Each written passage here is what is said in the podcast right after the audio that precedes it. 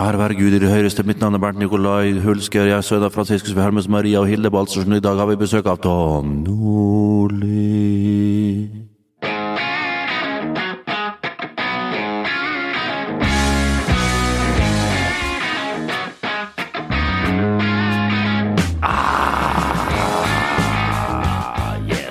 Ja, hei og eh, velkommen. Herren har talt, eh, og han har som vanlig alltid rett. eh, For Tom Nordli er faktisk gjest i fotballpodkasten i dag. Men selvfølgelig, Bent, det er din podkast, så vi er nødt til å si hei til deg først. Takk skal du ha, min gode, gode venn.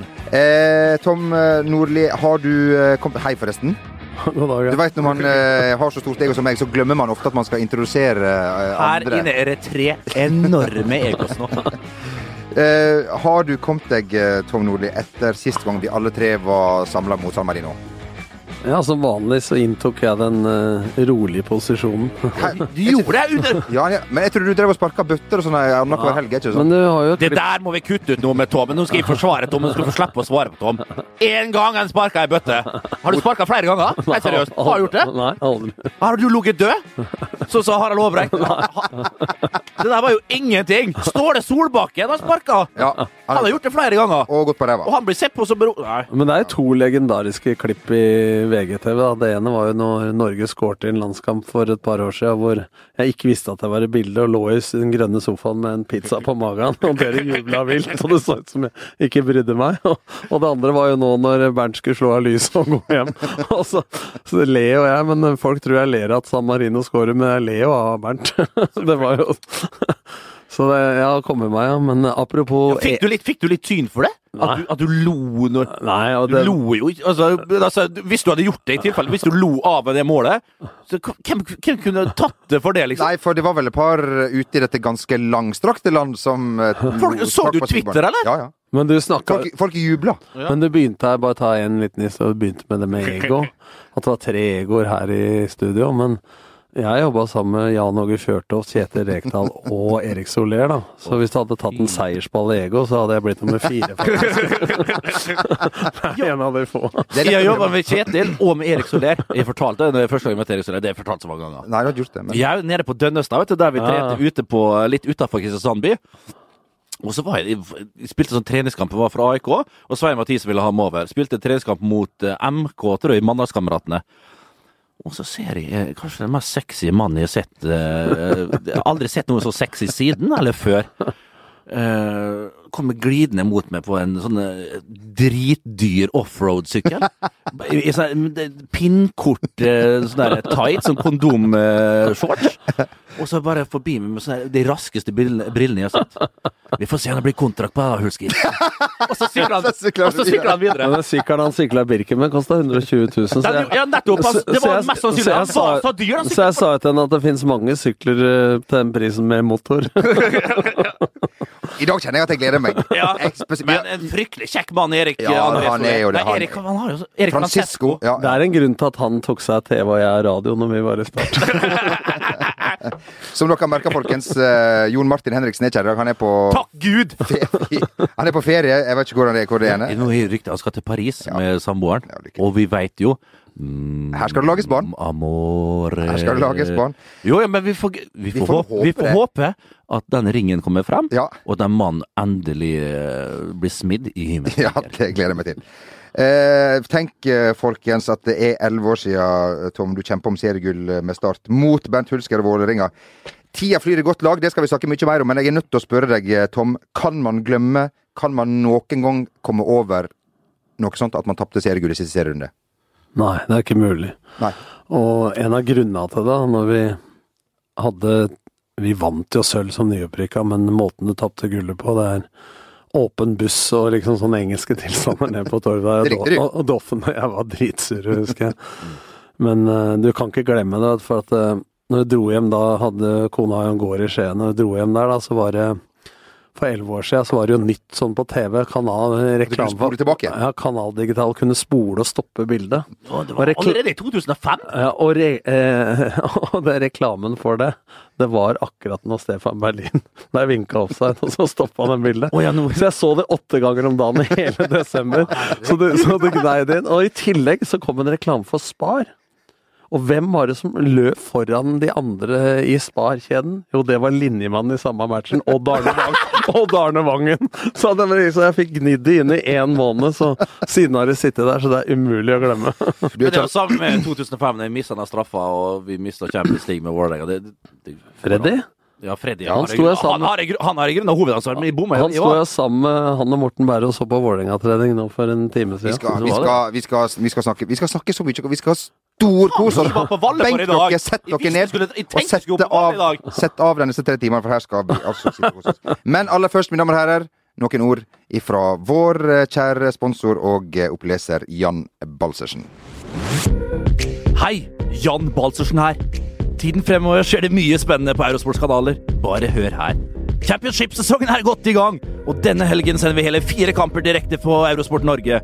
Hvor deilig er det ikke å ha lag som Birmingham, Bolton, Blackburn Rowers og Nottingham Forest tilbake på skjermen? Neste uke setter vi også stemningen med den engelske ligacupen. Storkampene Liverpool, Tottenham og Manchester Derby United City ser du på Eurosport Norge den 25. og 26. oktober. Alt dette og mye, mye mer på Eurosport i tiden fremover. Forresten nevnte vi at Eurosport Norge sender Championship hver helg. Takk for den, uh, Bent. Jeg vet, ikke, jeg vet om Jan skrives det med J eller Y? Jan. Eh, Jan, eh, det skrives med Y, ja. Ja, okay. Y for Yngvar. Uh, han er jo onkel til tre... Nei, han er tremenning til onkel til Jan Erik Delalé. Ok. Du, uh, for å begynne med det siste først. eh, Det kommer eh, gode historier. Det kommer de herligste historier. Men uh, denne veka her så skulle vi jo endelig få se eh, hvor bra Pep Guardiolas Manchester City var, og hvor god Premier League står seg eh, mot eh, de andre ligaene. Og City var jo ikke så aller verst, de, men eh, eh, mot Barcelona Lionel Messi så ble det vel eh, Ja, Bent, hva skal vi si? Nei, altså, jeg syns faktisk City var veldig gode i. Ja. Jeg syns de var dritgode i første omgang. Det var grunna litt tilfeldig. Og så liksom, Men det folk sier, da, at etter utvisninga til eh, Bravo, da kommer de tre neste målene. Ja, men ok, hvis den ikke har blitt utvist der, da hadde det blitt 2-0 mest sannsynlig. sant? Og da hadde det, det der toget rulla videre uansett. Og med ti mot ti så skårer de også et mål, Barcelona, så styrkeforskjellen er enorm fremdeles.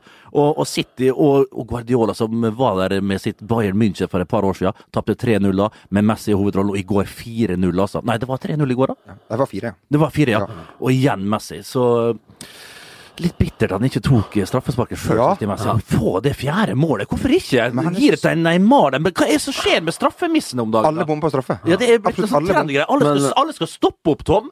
Ja, det- for ja, når du, men- når du er så god på labben, hvis du som trener vil ikke, kan du Det er nesten så jeg vil ha en sånn kjøttbekk, en midtstopper, som, er- som, som ikke er nonsjalant, som er, er ja, men Kan du ikke heller si til han der stjernespissen Vet Du hva, nå, du skal få lov å ta straffe videre, men slutt å stoppe opp og liksom se ut keeper, for det kan du ikke. Du som har en sånn presis høyrefot, du treffer ti av ti ganger på trening, du kan klistre den og gjøre det når som helst.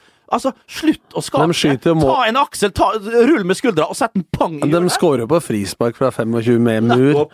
Og Og så- dribla 100 mann før de skåra. Ja, som Neymar gjorde etterpå. Ja, men jeg er enig med Bernt i det at uh, det så litt sånn ut som United mot Liverpool. altså Møtte et så godt lag med høyt press. Men det er ganske sprøtt å se at uh, to lag skal spille seg ut fra keeper uansett.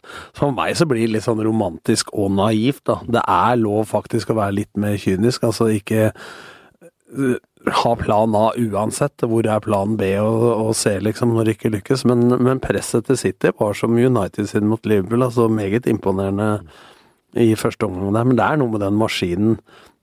Og som Åge Hareide sa i studio, hvordan kan du organisere deg vekk fra de ferdighetene som de tre på topp har i Barcelona? Det tror jeg Det er rimelig rimelig det er nesten umulig, altså. Og i dag begynner jo engelsk avis å spørre var det bare Messi som gjorde karriere til Pep Guardiola. Litt sånne ting. Skal vi si at det, det, det, blir, det blir historieløst og dumt, altså. Ja. Men Messi Men klart så er det mange på Twitter som sier at hvis Messi har spilt på City, så har han vunnet. Men, men ok, men, han spiller jo én gang på Barcelona, og de spiller rundt Messi. Messi er den han bruker. sant? Men Uansett, sånn er det bare. Og det har han gjort med, til gangs i Og, og hvis vi hadde vært eh, hatt amerikansk pass, hadde vi stilt opp i presidentvalget. hadde ikke det? det er korrekt.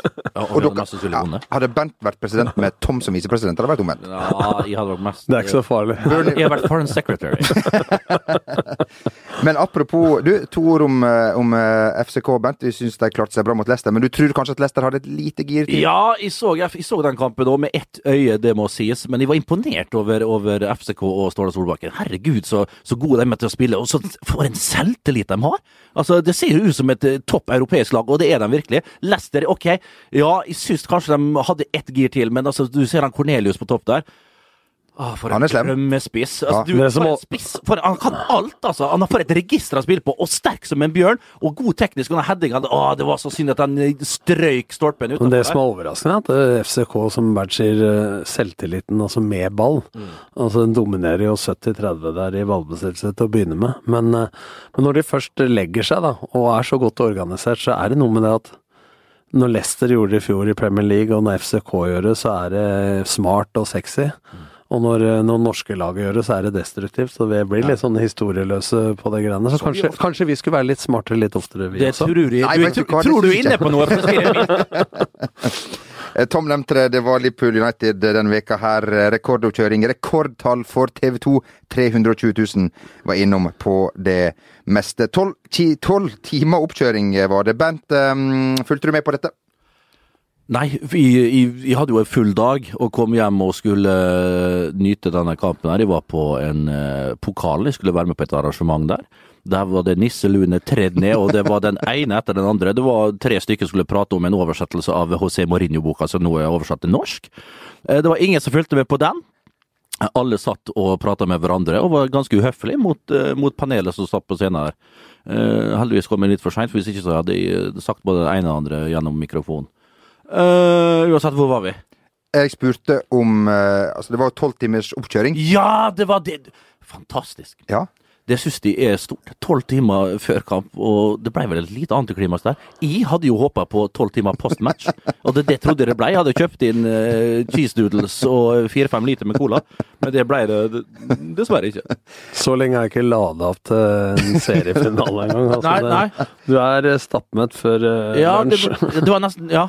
Men eh, Bent, vi må bare fortelle om VGTVs eh, planer. For det, Vi satser jo på Levanger Raufoss er jo på trappene her, og da skal vi ha 1000 mann fra Levanger. eh, Hør nå, du, Tom. 1000 mann fra Levanger, 1000 fra Raufoss skal samles til et durabelig slag på Stiklestad. Og, og, og jeg skal kommentere, Jo Martin skal kommentere, Patrick fra regi skal ha hele greia der. Høres ut som slåsskamp. Det det blir slåsskamp. Ja, det blir ikke fotball, det blir et slag på Stiklestad sammen som i 1030. Og vinneren går direkte til Mordor.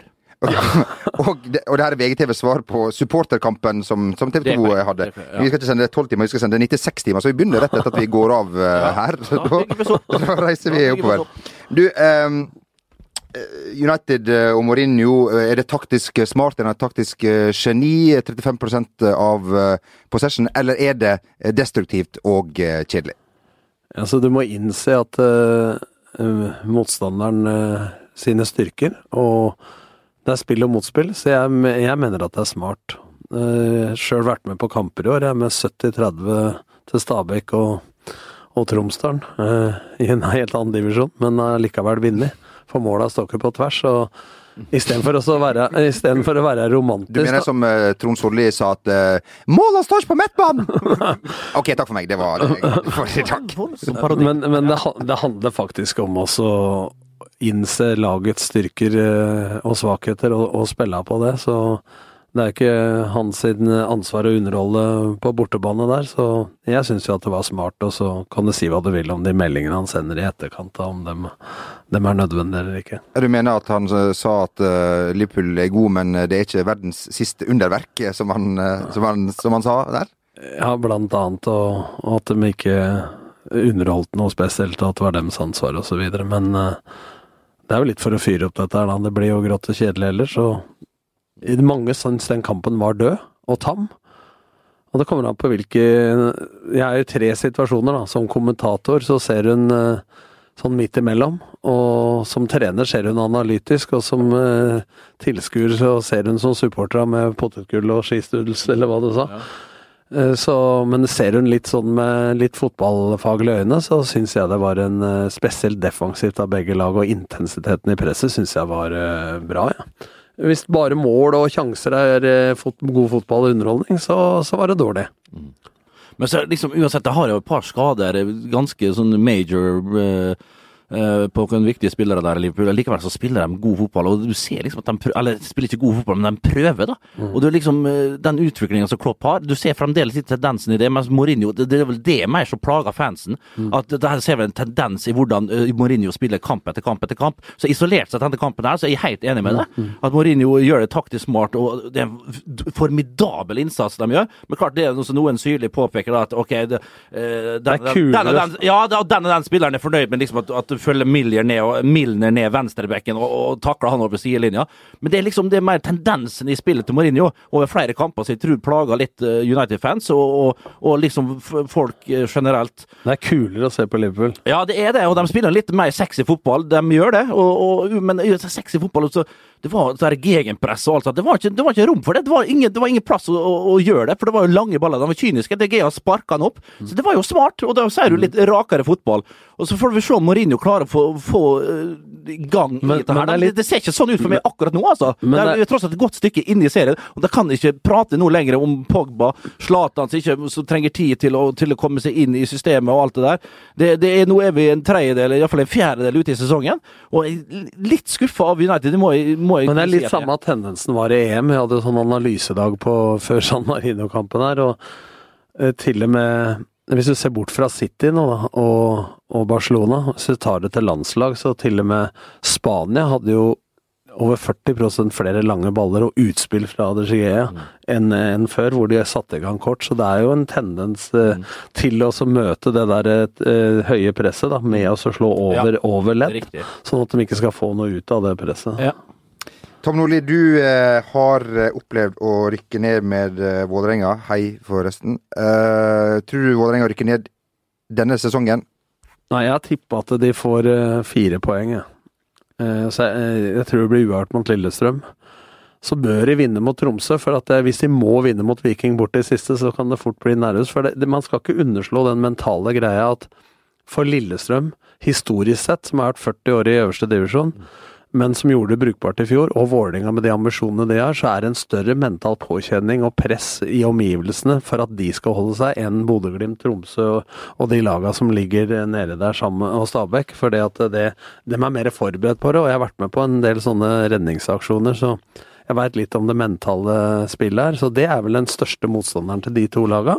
Så tror jeg Lillestrøm sitt største bananskall faktisk er Start hjemme, som har vunnet to på rad nå. Ja. At det er verre faktisk enn Molde hjemme og, og Vålerenga på Men har de start nå til helg? Ja. ja. Og, og Vålerenga skal opp til Tromsø. Vålerenga oppe der, altså Tromsø Nå er klart Tromsø tapte jo mot nettopp Start her, og den kampen, det blir Å, herregud. Men altså det blir jo helt fantastisk. Da håper jeg for en gangs skyld at Ullevål, om det ikke blir fullt, det blir det ikke, men at det blir 15 000-16 000 oppe på Ullevål når, når, når eh, Fuglar kommer til Ullevål. Det var 21 der nå. Vi møtte Start i siste serierunde i 2000.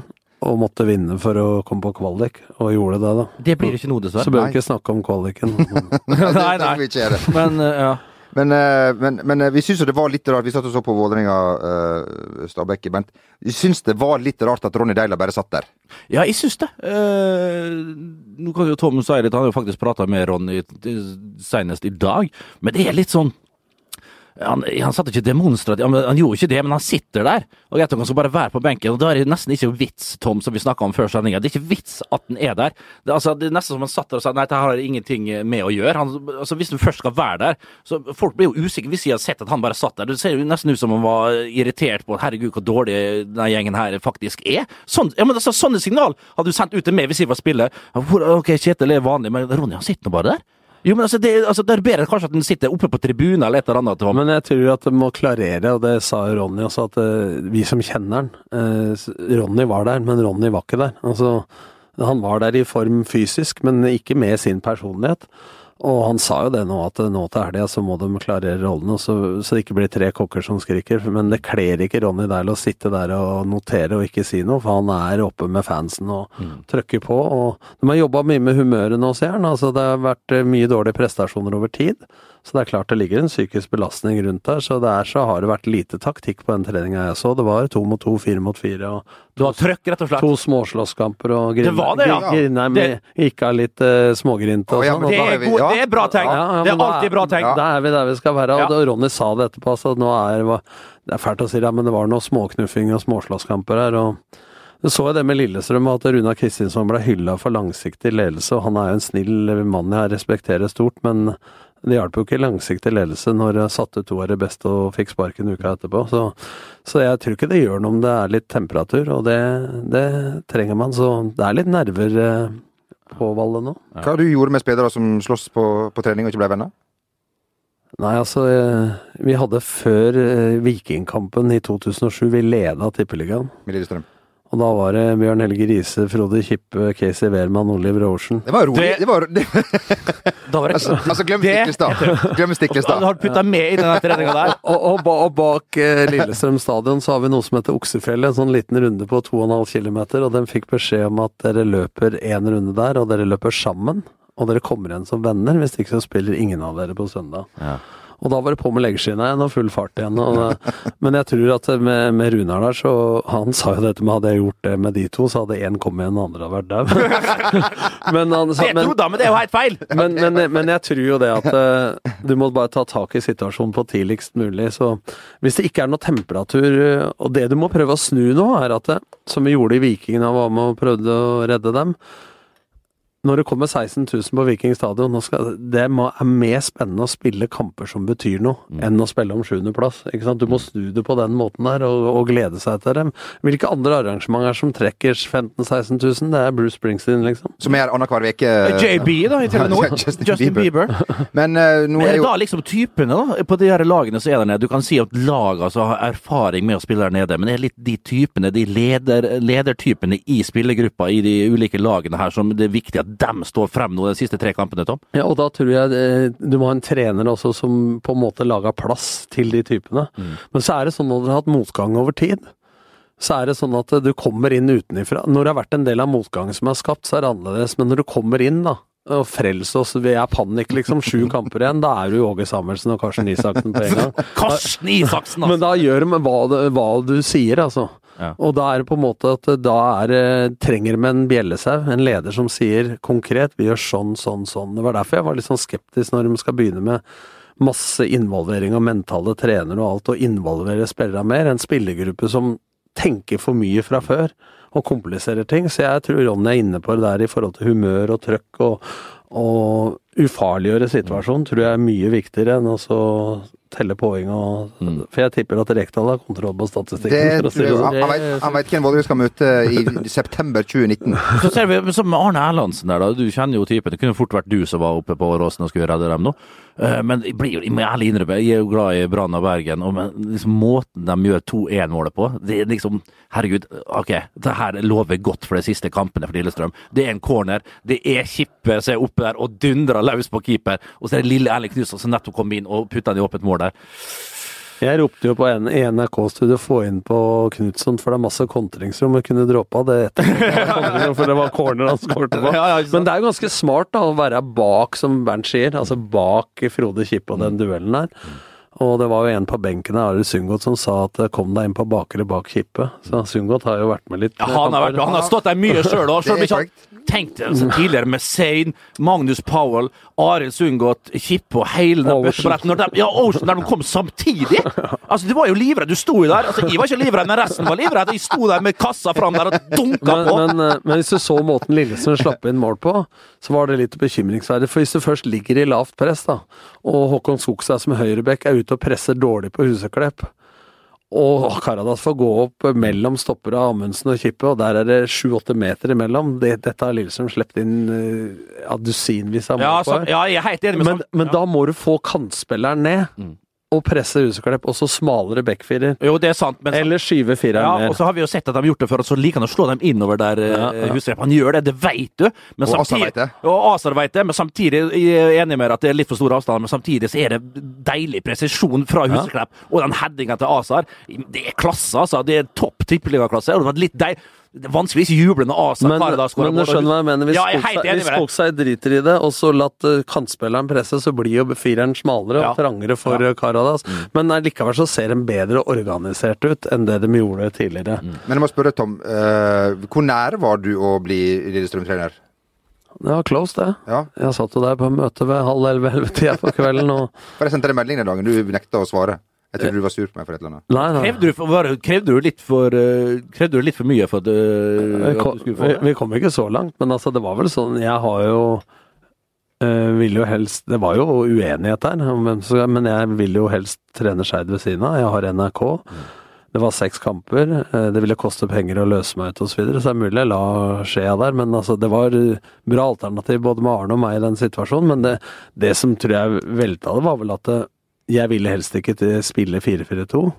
Nei, for hva blir det snakk- hva blir det snakka om på et sånt møte? Når dere liksom der, ok, Nei. nå, nå har vi sparka han. Hva er det du vil Spør dem da, hva er det konkret du vil gjøre, Tom? For at Hva er din oss? filosofi, Tom? Ja, ja, altså, Nei, men det, det, Filosofien til Tom kjenner de jo. Ja, men altså, nei, det går jo på. Og de spør liksom eh, hvordan vil du trene som leder og sånne ting. Og så en Pelfolk avrunda med å si at liksom dette har du stor erfaring i. Jeg har det, altså Da tror jeg ikke du skal bry deg så mye om uh, formasjoner.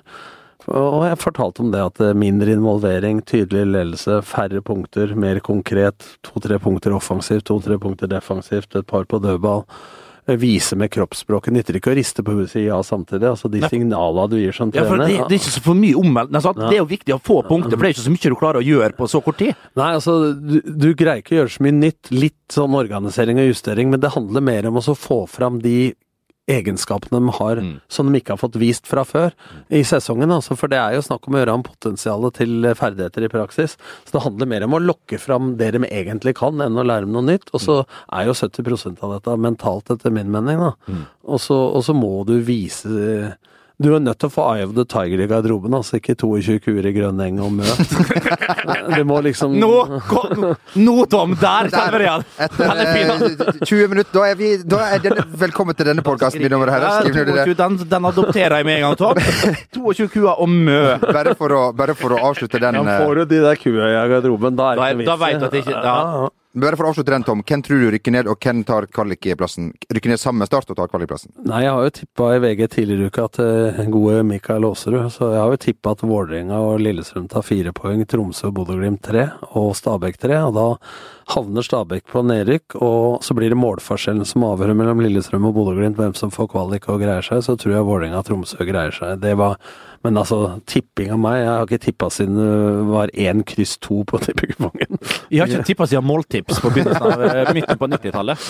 Hvem tror du rykker ned? Nei, jeg tror Stabæk rykker ned, dessverre. Men jeg tror Bodø-Glimt eller Tromsø blir eh, kvalik på dem. Lillestrøm de, det tror jeg greier seg nå. Og Vålerenga de avgjør det. Eller så jeg tipper at Vålerenga ikke er helt trygg før de kommer til Stavanger. Så tar de en seier der, og så er det i boks. Tom, eh, vi skal ta en liten pause ifra 4-3-3 og høyt, lavt press og litt sånn forskjellig. Jeg må bare spørre deg. Um, du tok over uh, Viking, uh, som var fortapt. En svær klubb som den gang hadde bøttevis med tilskuere og penger, uh, men dårlig sportslig resultat. Du skal ut igjen etter pause. Og mangla en eh, mann. eh, En, en, en viktig mann. Eh, Kan du fortelle litt om det? Ja, vi spiller mot Tromsø på Viking stadion, og jeg har jo ikke vært på de fleste stedene jeg har vært, har det vært brakker og sånn, har ikke vært marmor på vegga og trenergarderober og sånn, men i Viking så var det ganske flott. Ja. Det mangla bare resultater, og kommer inn i pause, og der sitter det ti spillere. Mangler en, og hvor i svarteste er eh, liksom, hvor i huleste er eh, Peter EJ? og det er ingen som sa noe, for tydeligvis så var dette vanlig, da, men eh, for han pleide å dusje i pausa. Men så, så hører jeg så, Det er stort. så hører jeg borti gangen der en som uh, står og synger, da. Og jeg kommer borti trenergarderoben der, og der står Peter det da, med litt Bob Marley på, på spilleren og, og vasker håret. da. Bekymrings, bekymringsløs. Ja, ja, og traller av gårde. Og jeg med den gangen altfor liten treningsoverdel. Med, hvis du går inn på Google, har det photoshoppa inn en potetgull på seg i hånda på meg. Med klærne på og står sånn Can you please play 15 minutes for me and the club? And you can get Monday and Tuesday off. Og så smeller han 18 minutter og scorer 1-0, og han blir bytta ut, og vi vinner 1-0. Så det sier noe om hvor mye du skviser sitronen i, i en sånn situasjon. det er lederskap. Men hvordan var, Jeg må bare spørre, for Peter EJ er litt eh, interessert, for han har spilt Han er jo var en fantastisk målskårer. Jeg tror han er like gammel som meg, er nærmere 40 nå. Så har det vært diskusjon, ja. Eh, Men, men eh, hva, eh, der snakker vi type. Hvordan skal du behandle sånne type spillere, da? Nei, for at du kommer inn der, og så hadde vi leid inn Reece Weston fra Cardiff. Ja. For sikkert en million eller mer. Reece Weston, han er sikkert god. Han høres Det var, ikke- det var, ikke, det var ingen som spilte gratis i Norge på den tida. Det men, men det var en bra spiller. Og så sier jo ledelsen Egil Østensen sånn Jeg hadde jo Jørgen Tengesdal og Øyvind Svenning, og liksom, du må ikke bruke dem, for de skylder jo mye av måla. Og så går jeg til Reece Weston. og, så, og så går jeg til Reece Weston, og så sier jeg I can't play. For du kan ikke språket, du kan ikke norsk kultur. Jeg skal være her i sju-åtte kamper. Ja. Og så Peter så sier de du må ikke bruke Peter, han er så lat og helt ute av humør. og men jeg lot det få litt spillerom, da, så jeg husker så godt Øyvind Svenning. Jeg møtte han i fjor sammen med Ronny Deila. Han husker enda, for at Peter Idri og Øyvind Svenning sloss på treninga. Og det var jo Peter Idre sin feil. Ja. Og jeg tok Øyvind Svenningsen og en hårføner så du sang. Ah, du, du tok Peter Idre sitt eh, Ja, parti? ja. ja, for han skulle- han. Han skulle jo spille her.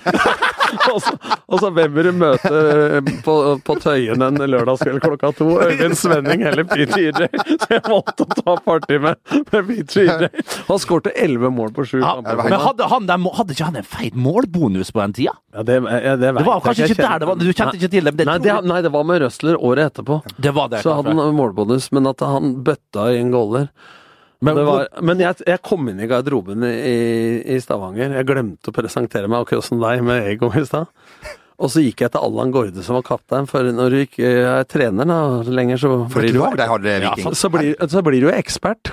så jeg hadde vært ekspert i to måneder i TV 2, da, og da hadde Allan Gårde sagt i hvert intervju at vi er for gode til å rykke ned. Så det første jeg gjorde, var å ta tabellen sånn, så gikk jeg bort til Allan og sa hva står det nederst der? Viking 17 poeng, vi er 10 poeng bak, han. Hva skal vi gjøre med det? altså? Sånn. Snu tabellen på huet. Så sa jeg dere er Vikingskipet, dette er ordrett fra spillemøtet. Dere er Vikingskipet, dere skal ro den veien. Så tok jeg ut laget i garderoben, jeg hadde forberedt meg i to dager da, for jeg skulle egentlig til Djurgården, rett til Jon Så tok jeg ut de elleve, så sa jeg dere ror det Vikingskipet den veien. Dere tre ror når dem er skada. Ja. Så var det en som sa hva skal vi gjøre? så, så, sa jeg Så sa jeg dere kan bære båten til kaia. Ja, hvis du bærer bra i år, så kanskje du får ro neste år. Altså Poenget er at Nå fikk jeg lyst til å spille, vel. ja, ja, men, men, Ja, men stillingsinstruks, hva du har gjort før og sånn, i en krisesituasjon, spiller ingen rolle. Det var der og da. Og så sa journalisten, jeg husker det var Knut Skei Solberg som har jobba i NRK og TV 2, og så sa han ja, du har sju uker på deg nå, liksom. Nei, vi har ikke det, vet du, for om sju uker er det slutt. Første kamp er om tre dager, så vi må begynne med en gang. Jeg har ikke tid til å snakke med deg. Så det handla om også og så måtte du selge inn hva du skulle gjøre, og så måtte du ufarliggjøre situasjonen. Jeg spurte Rolling Stones spiller på Wembley for 100 000. Da spiller den bedre enn i kjelleren på Rockefeller. Jeg vet ikke om det fins lenger, men Jo da. Å, ja. Men må få dem til å glede seg at det kom 16 000 til å se på dem, da. Og spille betydningsfulle kamper. Og du står jo Første kampen, da. Jeg hadde jo vært geni i start og fikk tilbud av Rosenborg, og så, var, så sa kona Var det litt sårt at du ikke fikk aldri kom til Rosenborg, Tom? Ja, du hadde lyst til Ja, men kona så, sa at Jeg fikk jo tilbudet. Ja, Så, ja, sa, sånn var det kanskje. så sa jeg ja for 2006. Så gikk det ei uke, så trakk Per Joar Hansen seg. Så ringer Bratseth meg og sier du må begynne med en gang. Så sier jeg kan ikke gå fra starten når vi leder Tippeligaen. Sju runder før slutt. Var det litt frekt av Rune å bare skulle prøve å ta eh, treneren til, til gulljagende start Nei, jeg hadde gjort nøyaktig det samme, men det, er det helt sant? Ringt, ble du tilbudt ble, altså, ja, altså jeg var i møte med Nils Gutte og Rune Bratseth på Gardermoen. Og jeg sa at vi blir enige, sier de. Ja, så kan jeg stole på det, for jeg, jeg forhandla med Start. Ja. Og vi tok hverandre i hånda for 2006, og jeg hadde fått lov av Erik Soler etter mye om og men å dra på møte. Du var verdt 30 mil? Altså, han, ble- Ja, han sa det. Men, men så gikk eh, Kontrakta mi gikk jo ut med Start. Eh, så gikk det ei uke, så trakk Per Johansen seg. Torstein Helsa bomma på straffe for Rosenborg mot Lillestrøm. Så ringer jo Rune, og da var det litt press rundt Bratseth og sånn, akkurat som eh, eh, rundt andre sportslige ledere. da. Holdt på å rykke ned. Ja, de lå på sjuendeplass, Rosenborg. Og så spurte de så, så vil du ta laget. Jeg sier, men jeg kan ikke dra fra Så sier kona til meg, du må ta det. Da var Ørjan Berg der, var det laget, ikke sant. Å, Ørjan. Han Og så Even on a budget, quality is non-negotiable. That's why Quince is the place to score high-end essentials at 50 to 80% less than similar brands. Get your hands on buttery soft cashmere sweaters from just 60 bucks, Italian leather jackets, and so much more. And the best part about Quince, they exclusively partner with factories committed to safe, ethical, and responsible manufacturing. Elevate your style without the elevated price tag with Quince. Go to quince.com slash upgrade for free shipping and 365-day returns. When it comes to your finances, you think you've done it all. You've saved, you've researched, and you've invested all that you can. Now it's time to take those investments to the next level by using the brand behind every great investor, Yahoo Finance. As America's number one finance destination, Yahoo Finance has everything you need, whether you're a seasoned trader or just dipping your toes into the market. Join the millions of investors who trust Yahoo Finance to guide them on their financial journey. For comprehensive financial news and analysis, visit yahoofinance.com, the number one financial destination, yahoofinance.com.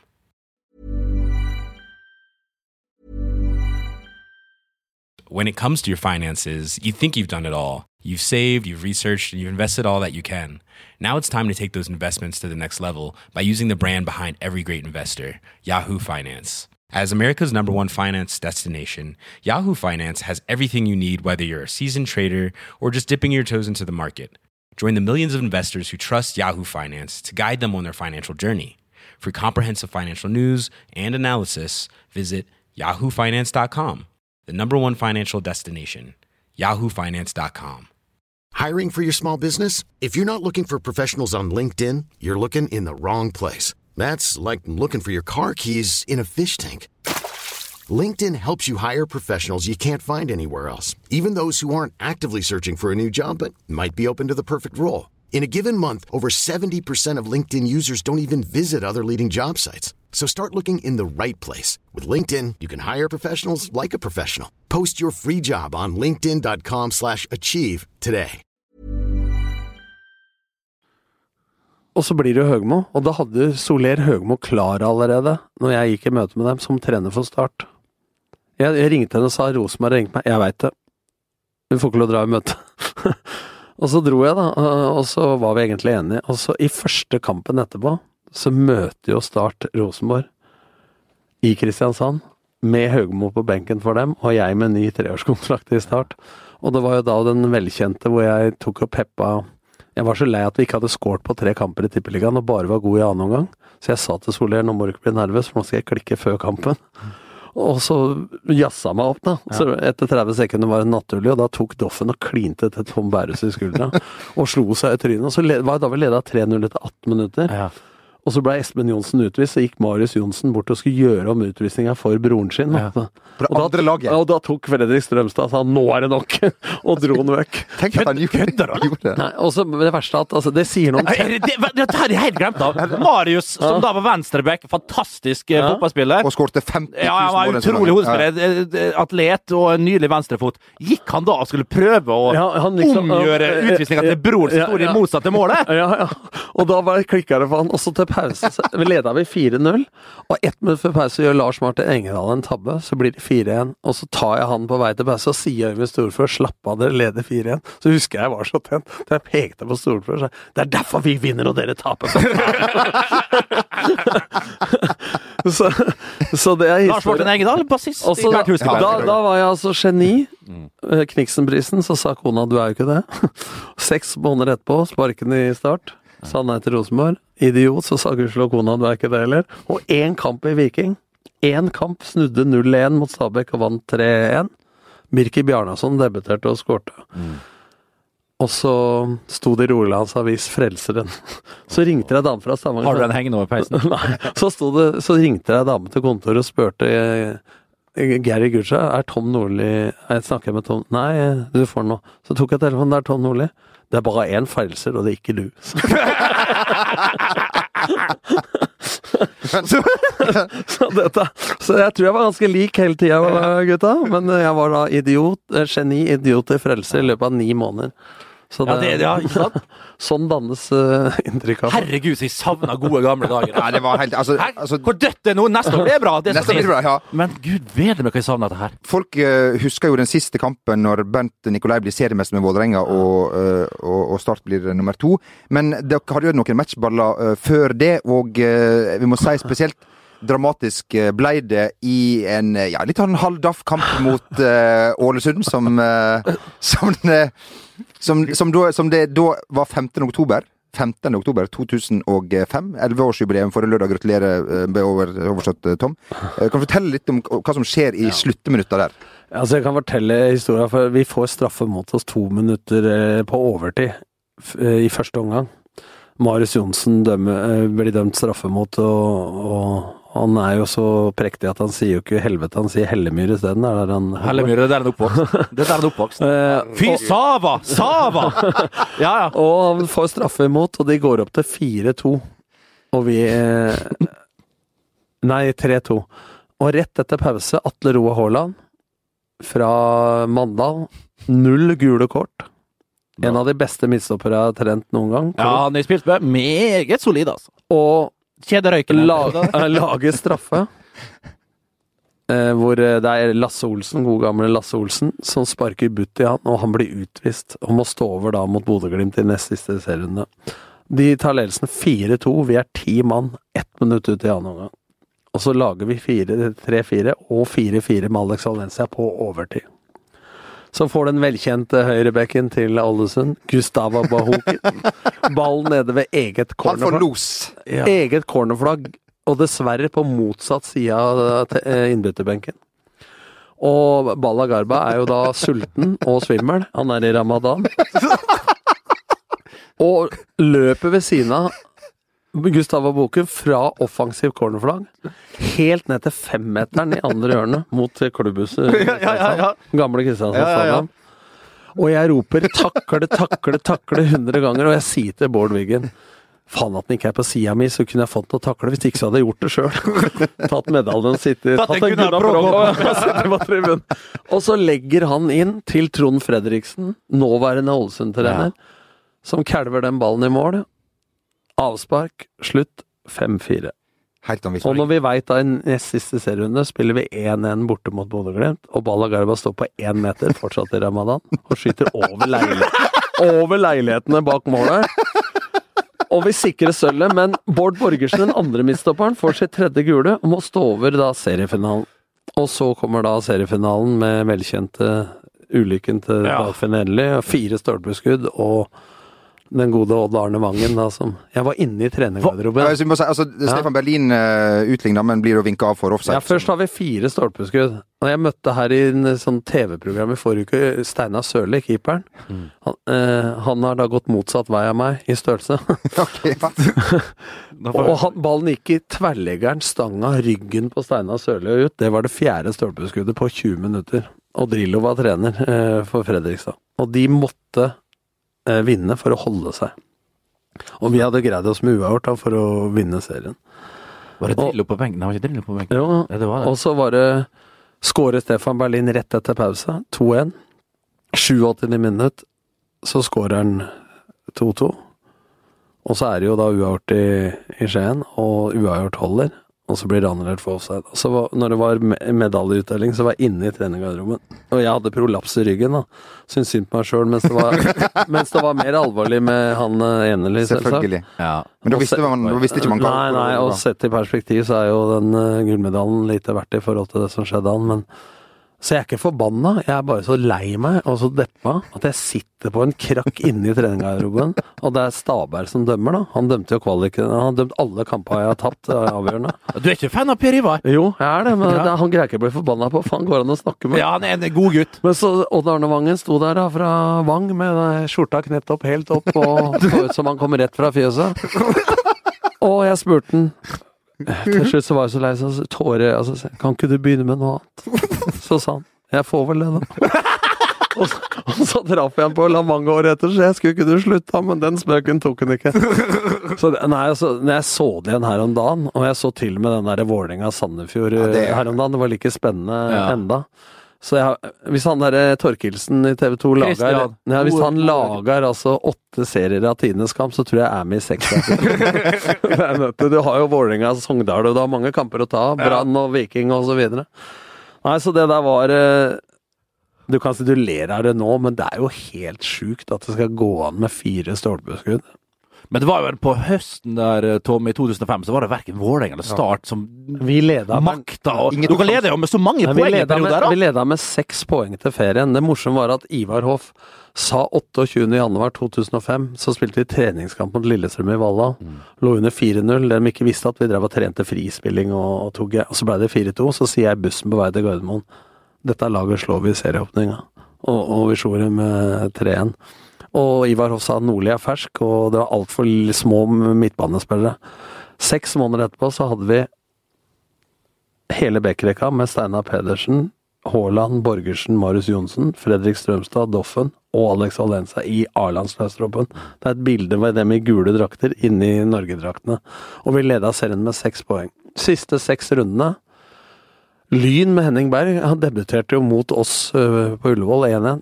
Holdt det på å ta oss igjen for at ikke Vålerenga Vi vant ikke én forbanna fotballkamp. Bare seks siste. Masse uavgjort. Og det er jo først nå i år du, øy, 46 poeng sølv. Og nå i år så får de enda færre, da, eh, antageligvis på sølv, med 30 kamper. Vi hadde 26. Så det var jo Hadde du prøvd om igjen og ikke vinne en av de seks siste, så hadde du ikke greid det selv om du hadde prøvd. Så det sier litt om det vi var inne på i stad, gutta, om det mentale trøkket og presset osv. Men, men for oss som nyopprykka, så var det egentlig en bonussesong. Og Doffen irriterer seg enda når jeg møter han over, eh, over den kampen der. Det var 18 eh, Fotballforbundet ikke hør nå. Vi hadde lov til å slippe inn 14. Offisielle tallet 16.667. 667.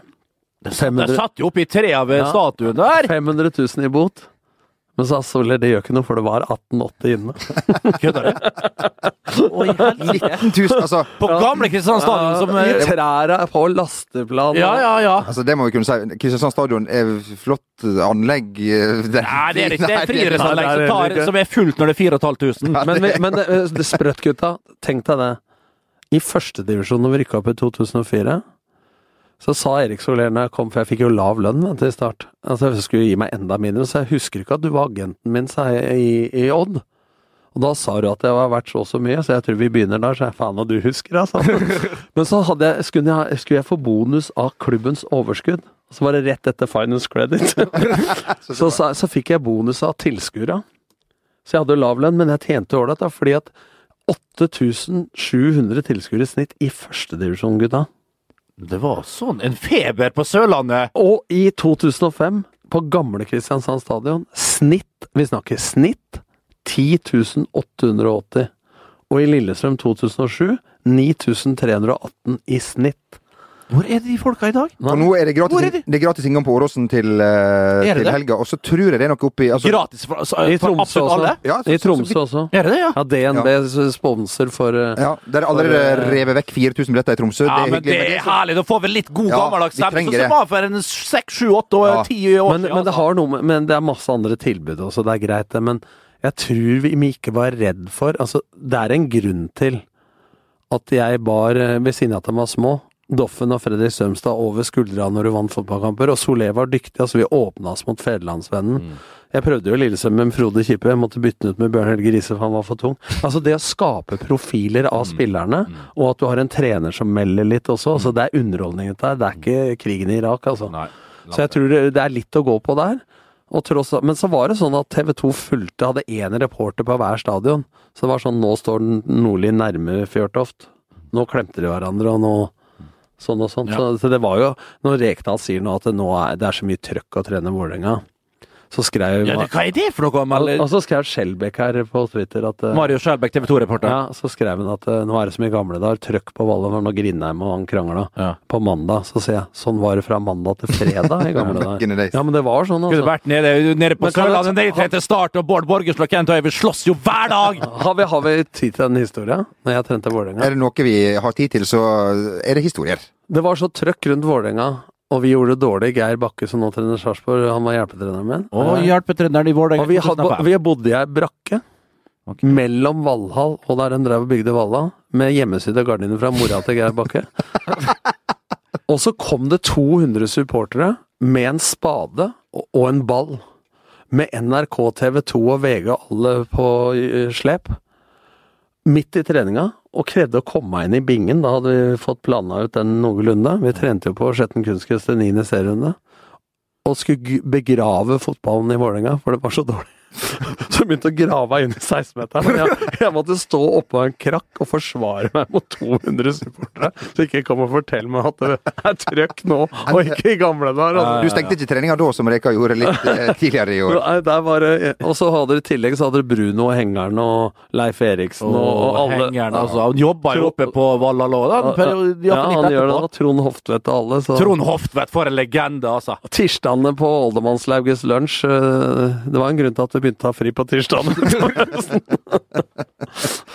Uff a meg. Eh, vi, eh, vi holder oss til pressetrenere trenere for eh, den landslagsdebatten og trenerdebatten der fortsatte jo denne uka med en litt rar pressemelding, for plutselig kom det melding om at Per-Mathias Høgmo får, får lederlaget mot, mot Tsjekkia, og det trodde vi jo Man får lov til det når man er ansatt. trodde jo at det han skulle det òg, men de, de presiserte det at ja, du får fortsette. Ja, de gjør nok det, og da er det vel litt opptatt ettersom at Tsjekkia tapte, da, eller spilte uavgjort, var det det, mot eh, Aserbajdsjan. Så er det kanskje det som redder godeste Høgmo. Det er litt rart, det her, men de kjøper seg tid oppe på forbundet, eh, og nå ser de an det, altså, Du kan ikke Det kan ikke ligge og falle på, på ett resultat i Praga. Men det det blir for dumt. men det virker likevel, det godt hende jeg har en prosess gående her. De vil tro det ligger noe bak. Såpass må vi gi dem, men, Tom. Men, men de demper Altså, det som jeg syns blir feil Jeg håper jo at jeg som trener et sted blir evaluert hver trening hver dag, altså hele tida. At det ikke er noe hun begynner med plutselig nå. Og så når du går ut med det, så er det liksom sånn ja, nå sier vi det så vi får dempa presset på oss i styret, men de øker jo presset. Du, gutten min, må vinne. Kan han godt si hvor mye han vil, altså, men han må vinne Mm. Men neste gang. ting, vi får håpe, og vi vil, jeg vil jo tro at de har en dialog der oppe, Per-Mathias og styret, at de du, er, det noe jeg, er det noe jeg veit om i sånne situasjoner, Ja. så når det begynner å brenne, så er det at det er null dialog. Okay. Når, når en leder sier til meg at jeg har full tillit, da begynner jeg å pakke bagen. Og når han gjentar det, da pleier jeg å dra inn glidelåsen. Ja. ja, ja, men, men skjønner du at Ja, men vi- Tror du han ligger og faller på, på Per-Mathias nå, hvis han vinner mot ja, Tsjekkia? men- Da har han seks poeng ja, av de syv ja, han annonserte Nei, men hvis han han, taper, hvis han taper, så tror jeg at uansett hva de kaller av den evalueringsprosessen, Mm. prosessen, så tror jeg at eh, han- må gå uansett.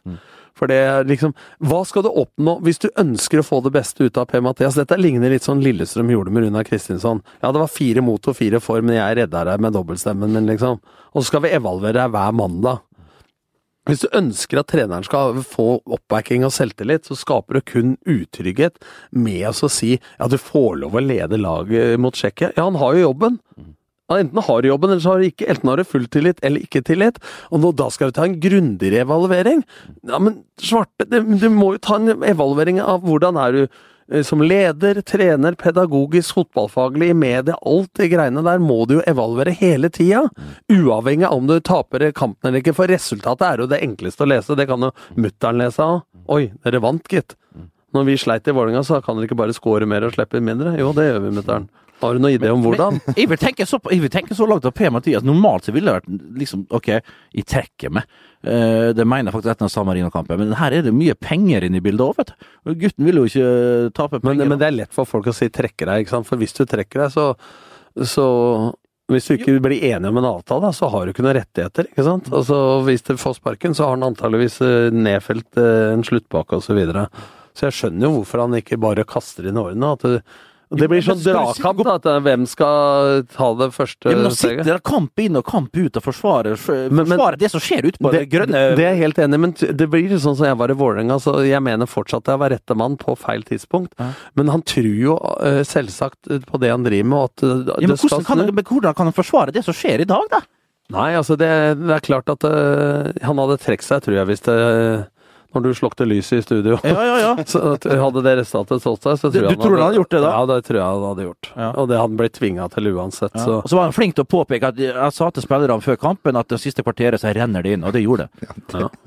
Det er korrekt. Ja, så, så, men at jeg skjønner ikke Det viser litt om mekanismen. Altså, jeg syns det blir litt sånn å dytte ballen unødvendig over på Per-Mathias, da. Eh, fordi at eh, han har, er Du må bare innrømme det, altså at eh, Kritikk må du tåle, men jeg syns jo du må skille mellom de vi som jobber med dette, og, og sosiale medier. For jeg, jeg syns jo det går over alle støvleskaft altså, på å idioterklære en fyr som tross alt eh, er, eh, Jo, men de det der veit han om, og sånn er Ja, det bare. ja. Sånn har det blitt. Og det der er en del av pakka med, som er inni det Ja, der 3,6 millioner i året. men de pakka, At du blir evaluert av døgenniktere, noksaktere og julenissegutter landet rundt. Sånn er det bare. Ja. Det er ikke noe nytt. Det er jeg helt enig men styret trenger jo ikke å øke belastninga med å si Altså, selvsagt Ja, de, skal jo, de skal jo please mobben dem Ja, på sett og vis. det- Det er der problemet ligger, Tom. Ja, men, ja, men altså, de, eh, de evaluerer den jo hele tida. Trenger de å gå ut og si ja, nå har vi hatt et møte, du får lov å lede laget mot Tsjekkia?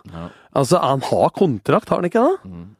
Altså, for Ja, meg er så er det helt uh, en julenisse, altså, det greiene der. Nå søkte jeg ikke jobb, akkurat. Nei, uh, du sa jo det, Tom, at, uh, at man eh, pisser på, på norske trenere, eller trenere i Norge, ved å At man da kun snakker om Ståle Solbakken uh, i den grad man gjør det som den neste landslagssjefen. Den Men- gangen ja. Per-Mathias Høgmo ikke er eh, Men, trener for men, det, men det er ikke noe tvil om at jeg syns jo Ståle er en utrolig dyktig trener. Men det er sånn at hvis ikke det passer for han, så skal vi ha Egil, da. Som vikar så lenge, ellers er det ingen andre som kan ta det. Da undervurderer du trenerstanden og trenerutdanninga og praksisen som norske trenere har. Det er det jeg mener. Altså at, og det blir sånn vedtatt i media. Og da kan du si jeg jobber i media sjøl, men det er jo en del som skriver om dette i media, da. Som ikke akkurat hadde stått på B-kurs i fotball, for å si det sånn. Som, som av en eller annen grunn sier at jeg er den eneste som kan ta det. Det er helt greit for meg, men da må du begrunne det også faglig. Altså det begrunner ikke ledelsesmessig eh, hvorfor ikke det er andre som kan ta det, eller pedagogisk noe som helst, da. Det blir bare sånn at det er rette mann, for han har vunnet kamper. Eh, ikke sant? Ja, det er rette mann. Ståle for meg er en ypperlig kandidat, men ikke kom og fortell meg at det ikke er flere som kan ta den jobben.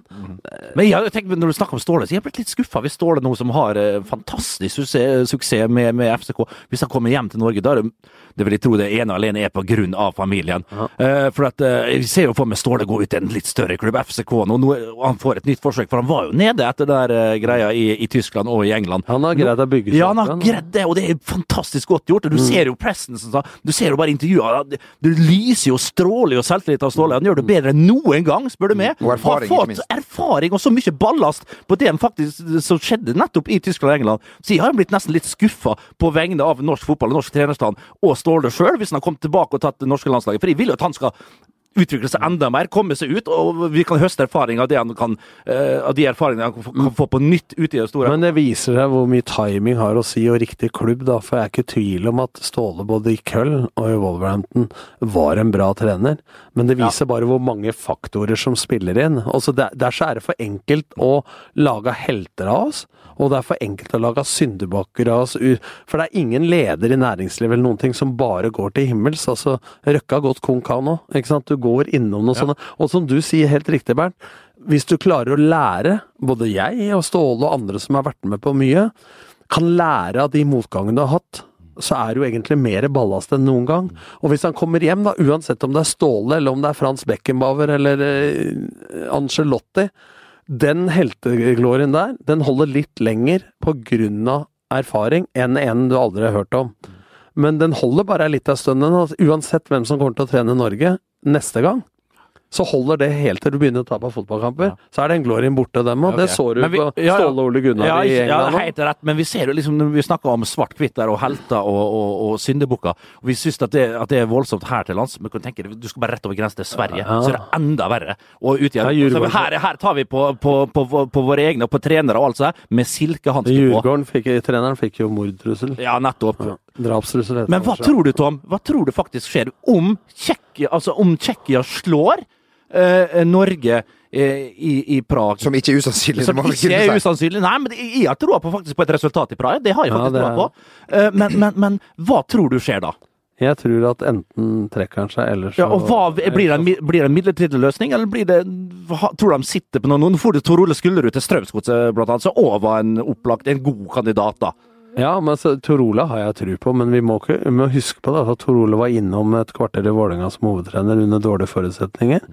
Og så har han trent Molte, og så UL21-landslag som hovedtrener. i Jeg tre- ikke har I tre kamper, så det, altså det også blir skrevet mange ganger. Torole perfekt fyr, fin fyr, Men du mener at trener. det du sier, at han ikke har all verdens erfaring? Nei, i for, i forhold til å bli A-landslagstrener, nei. Nei? Altså Det samme er med Solskjær. Mm. Hvis du ser på antall år og erfaringer han har som trener, ikke som spiller, så er jo det også Hvis du snakker om at du skal ha stor erfaring her, Mm. så har jo ingen av de det i den type rollen. da. Tenk meg, Ole Gunnar, det var en vanvittig hype rundt han når han kom til Molde. He, altså, hele byen løfta, og det var nesten umulig. Altså, det var jo Gud, da var det virkelig Gud som kom hjem, og han fikk gullet der. Så ble ble på mange måter litt avkledd i, i Cardiff, det, og så kommer han hjem igjen og får det ikke helt til på nytt igjen. Så han må vel jobbe litt uh, Ja, han må jo gjøre det samme som uh, Ståle, liksom. Ståle, Prøve å komme seg opp igjen. Han er ikke helt der oppe ennå, men, men det er klart at det, du kommer hjem fra en strålende fotballkarriere, Ole Gunnar er en fin fyr. Men det er klart han begynner også i Molde med å ha leda reservelaget til Manchester United. Det er det du har av trenererfaring. Og jeg veit ikke om det skjer sånn i næringslivet at du kommer rett fra gulvet og rett opp i stolen til Kjell Inge Røkke. Er, vi er litt kjappere i fotballen enn det. Så jeg mener at det krever faktisk også leder-trenererfaring i tillegg til spillererfaring da, for å ta sånne type, type jobber. Og det er jo Jeg mener jo at Ståle da eh, er en perfekt kandidat, altså, men jeg mener jo nesten at det han gjør i København nå, og det han gjorde i HamKam med å bli nummer fem med HamKam, det er jo nesten større prestasjoner enn de årgangene han hadde masse stjernespillere i FCK. Så den jobben han gjør nå i København, pluss HamKam, det er det stor respekt av. Men ja. Men hva, men hva tror du Tror du kommer en midlertidig løsning, eller tror du de har noen på blokk allerede som putter rett inn? Jeg vet ikke jeg ser det skrives litt om at du er nødt til å ha en kandidat som er bedre, hvis, men da, da blir det sånn at vi har jo ingen andre. Men, eh, men jeg tror at hvis hun taper mot Tsjekkia, så tror jeg at eh, da tror jeg beslutninga blir sånn uansett om de har en kandidat eller ikke, for da, da, da gripes ledelsen av litt panikk og så videre, at nå må det gjøres noe. Det har jeg vært med på en del ganger i klubbfotballen. Tror du det er en reell sjanse for at Drillo vil ta over midlertidig igjen?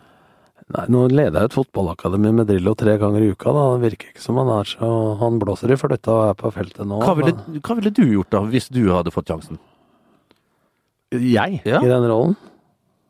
Nei, jeg hadde gjort som jeg pleier å gjøre av de klubba du på en måte skal redde. Enkel pedagogikk, klare, tydelige linjer eh, om hvordan du skal spille. Ville brukt 90% av treninga på sånn det skal se ut på matchdagen. Eh, fordi at du er samla i fem dager av gangen. Eh, utvikling skjer etter min mening i klubblaget, og så handler det på landslagsnivå om å selvsagt utvikle laget seg innan bli kjent i troppen og sånn, men det handler først og fremst om å vinne fotballkamper. Men Hva er forskjellen på å være en god klubbtrener og en landslagstrener? For det er jo to vidt forskjellige ting. Ja, men altså, vi diskuterte litt på Vallestad, Freddy og Morten Berre og jeg, og snakka litt med Ronny Deila og sånn. Altså, det er mange som sier at det er mer en lederjobb å være landslagstrener enn en trenerjobb. Jeg er både enig og uenig hvis det går an det. Jeg er enig òg. Men jeg mener at du trenger å være en enda bedre fotballtrener på landslaget, fordi at uh, du må være enda tydeligere, enda sharpere, og du er bedre spillere, eh, så de tar imot ting kjappere. Men du må være mer straight to the point, fordi at du har eh, litt mindre tid. Så jeg mener at det krever enda mer av deg eh, å være konkret da, og fotballfaglig dyktig på hvordan det skal se ut. Eh, og ledelse for meg, eh, å være en eh, god leder, ja det er landslaget, men det krever mer vel å lede folk til daglig 365 dager i året enn fire ganger fem dager i året, tenker jeg da. Så jeg tenker motsatt av det de fleste skriver om. Ja. De sier at det er mer en lederjobb. For meg så er det en helt klar leder, og ikke minst trenerjobb, å være på landslaget. Får vi se deg på VGTV mot Tsjekkia? Eh, Det veit jeg ikke ennå. Det er mulig jeg skal til Tsjekkia med NRK. Har du Ja, det kan du bare glemme. Du skal i studio. Du skal bli her. Uh... Slukke lyset en gang til. Eller skru det på nå. For, Vi skrur det på. for norsk fotball. Vi skrur det på for norsk fotball. Vi begynner med det av, rett og slett. Vi sitter eh, i et mørkt studio, og så vi, venter vi til norsk fotball er tilbake på fotet, og da skrur vi på lyset. Det har vært helt uh, fantastisk å ha deg her. eh, Tom, bare helt spørre til slutt. eh, er det riktig at eh, du kasta en uh, banan mot hodet til Jon Midtun Lie en gang? Jeg skal ta to historier helt til slutt. Det ene er eh, I disse dager er det moderne med en baker. For han var baker, han som skåret for San Marino. Ja. Tror Men, vi. men, vi ble, men jeg veit i hvert fall at han her er baker. Vi eh, ble slått ut av Kerjeng på bortemål i Luxembourg i Europacupen i 2008, var vel det, da. Eh, og hvis de snakka om lite fair play mot Apoel, så der tok ballgutta og kasta ballen videre opp på tribunen. og så kasta tilskuerne ballen ut på banen, så det ble to, så stopper stopp i spillet. Og han som skårte målet for Luxembourg, var baker. Eh, Det er det ene. Og det andre, med Jon Midtun Lie det, Få meg god gutt, altså. Han Rolig. Han er, Ja, han er nå fysioterapeut i, Han er i Odd. Han er, Ja, ja, for jeg har sett den der Ja, på benken. Hva i all verden gjør Jon Midtun der? Han er fysioterapeut. Jeg har hatt den som spiller i Start, Sandefjord, Start og Lillestrøm. Og han eh, Vi spilte med Sandefjord mot Lørenskog når de var i førstedivisjon, Ja. på Rolsrud stadion. De lå i bånn av førstedivisjon. Espen Bugge Pettersen sto i mål. Ja. Han henta jeg fra Eik Tønsberg, og jeg sa enten blir du landslagskeeper, eller så åpner du gatekjøkkenet i Horten. det blei det siste. Men uh, Kan fortsatt bli begge deler. ja, ja. Men uh, han var litt røslig den gangen. Og vi ligger under 2-0 til pause mot Lørenskog, og vi ville ta ledelsen i førstedivisjon med uavgjort. Og så er jeg litt småivrig i pausa der.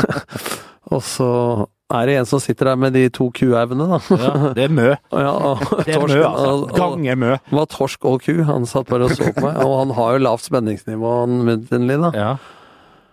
Så får jeg ingen reaksjon. Altså, det er det alvorligste jeg har gjort noen gang. da. Så tok jeg den bananen og kitta en meter over huet på han, så det rant sånn mos ned. Så titta, så titta Jon Muttenli og så sa han nå syns jeg du gikk litt langt. så det er liksom sånn, hvordan skal du komme under huden på han, samtidig roe ned han eh, bajasen i garderoben? Det er pedagogiske Nei, Jon utfordringer. Ja, Jon Midtun Lie han var jo i startlegg, og da var det jo Bala da, tror jeg. Han satt jo alltid Jeg tror Jon kjørte ganske mye på, på, på Bala. Og så var han dritlei. Og så var det jo siste dagen da Bala Garba kom eh, der med og skulle liksom eh, Takke. takke for alt. Og liksom Ja, det var Jesper og Jon Midtun. Ja, som Jon, bytta på ja, bytta på Jon Midtun Lie der. Og da liksom Og det var siste dagen. Det var litt sånn rørende farvel og alt sånt mulig. Altså. Eh, og liksom sånn der Jeg veit hvor du skal. ja, men jeg tror det er to forskjellige, kanskje to forskjellige historier. Og så går Bala rundt der uh, og serverer bare den ene sausen etter den andre til forskjellige spillere. Og så sier han til Jon Midtun Lie eh, OK, now we are, we- are you ready, Jon Midtun? Og så reiser Jon Midtun Lie. Det var sånn rørende stemning. Ja, så kom da, for faen! Jeg har venta i fem minutter! Ja, og så når skal skulle takke Jesper Mathisen for å ha kjørt den på treninga i to år, så hadde han med seg en bolle med suppe fra kona. Ja, det stemmer det. Vi eh, har eh, Oi, oi, oi! hatt, Det var litt fag i dag, Tom, når du kom. Det var bra, det. Vi trengte, er litt, vi trengte litt, litt substans og litt Ja, vi tenkte trengte litt gode- påfyll der. Og litt Peter Ijef, han har vi eh, Det var litt savnet. historier òg. Ja, det var det. det, Ja, var vi det. har uh, storkost oss. Sandlære òg. Ja, det, det var stort. Eh, Bent, eh, Ja. er du klar for å trekke inn? Har du noe på Ho! Hello, girls. Mm. Yeah. I like it. Må vi snakke norsk? Ja, Okay, unnskyld. To hooch, lemon.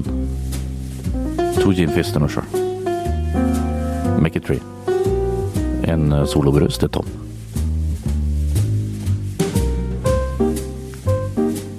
Hei sann, sa du? Julia, nydelig navn. Mm. Er du her ofte, eller? Om denne baren er et kjøttmarked, Julia, må du virkelig være indrefileten. Og der, eh, folkens eh, Der må vi kunne si at helga er, helga er, ja, helga er sikra. Tom, eh, jeg tror den her, den her må jo gå hjem. Den var svak. Nei, den er sterk. Altså, husk på at jeg vokste opp i ei tid hvor vi måtte be opp ved bordene og, og ha sjarm. Nå holder det med ei tekstmelding. Ja, sjarm det det det. Det er ingenting som kreves i dag. Vi Det er jo ingenting som kreves i vi dag. har, vi har ingenting av det som Her er jo gammeldags. Det er utdatert, det jeg holder på med her. Er det sant? Ja, det tror jeg. Faen, når vi var på Leifs danseskole på Vestnes. Jeg mener jeg måtte danse polka og reinlender for å kunne få damene. Her er Jon Espen sang 'Rømba med Gunn'. Rømba med Gunn og alt det der, ja. Nei, tilbake da vi slo dem med klubbe i hodet og tok deg inn i hulen, altså. Det er ikke Nei. Ta, takk for meg. Takk for meg. Da sier vi, Ja. da sier vi takk for oss, takk til Tom. Vi er tilbake igjen eh, om ei uke med eh, Jon Martin Midtun eh, Lie Henriksen. Eh, takk for at du hørte på. Adjø.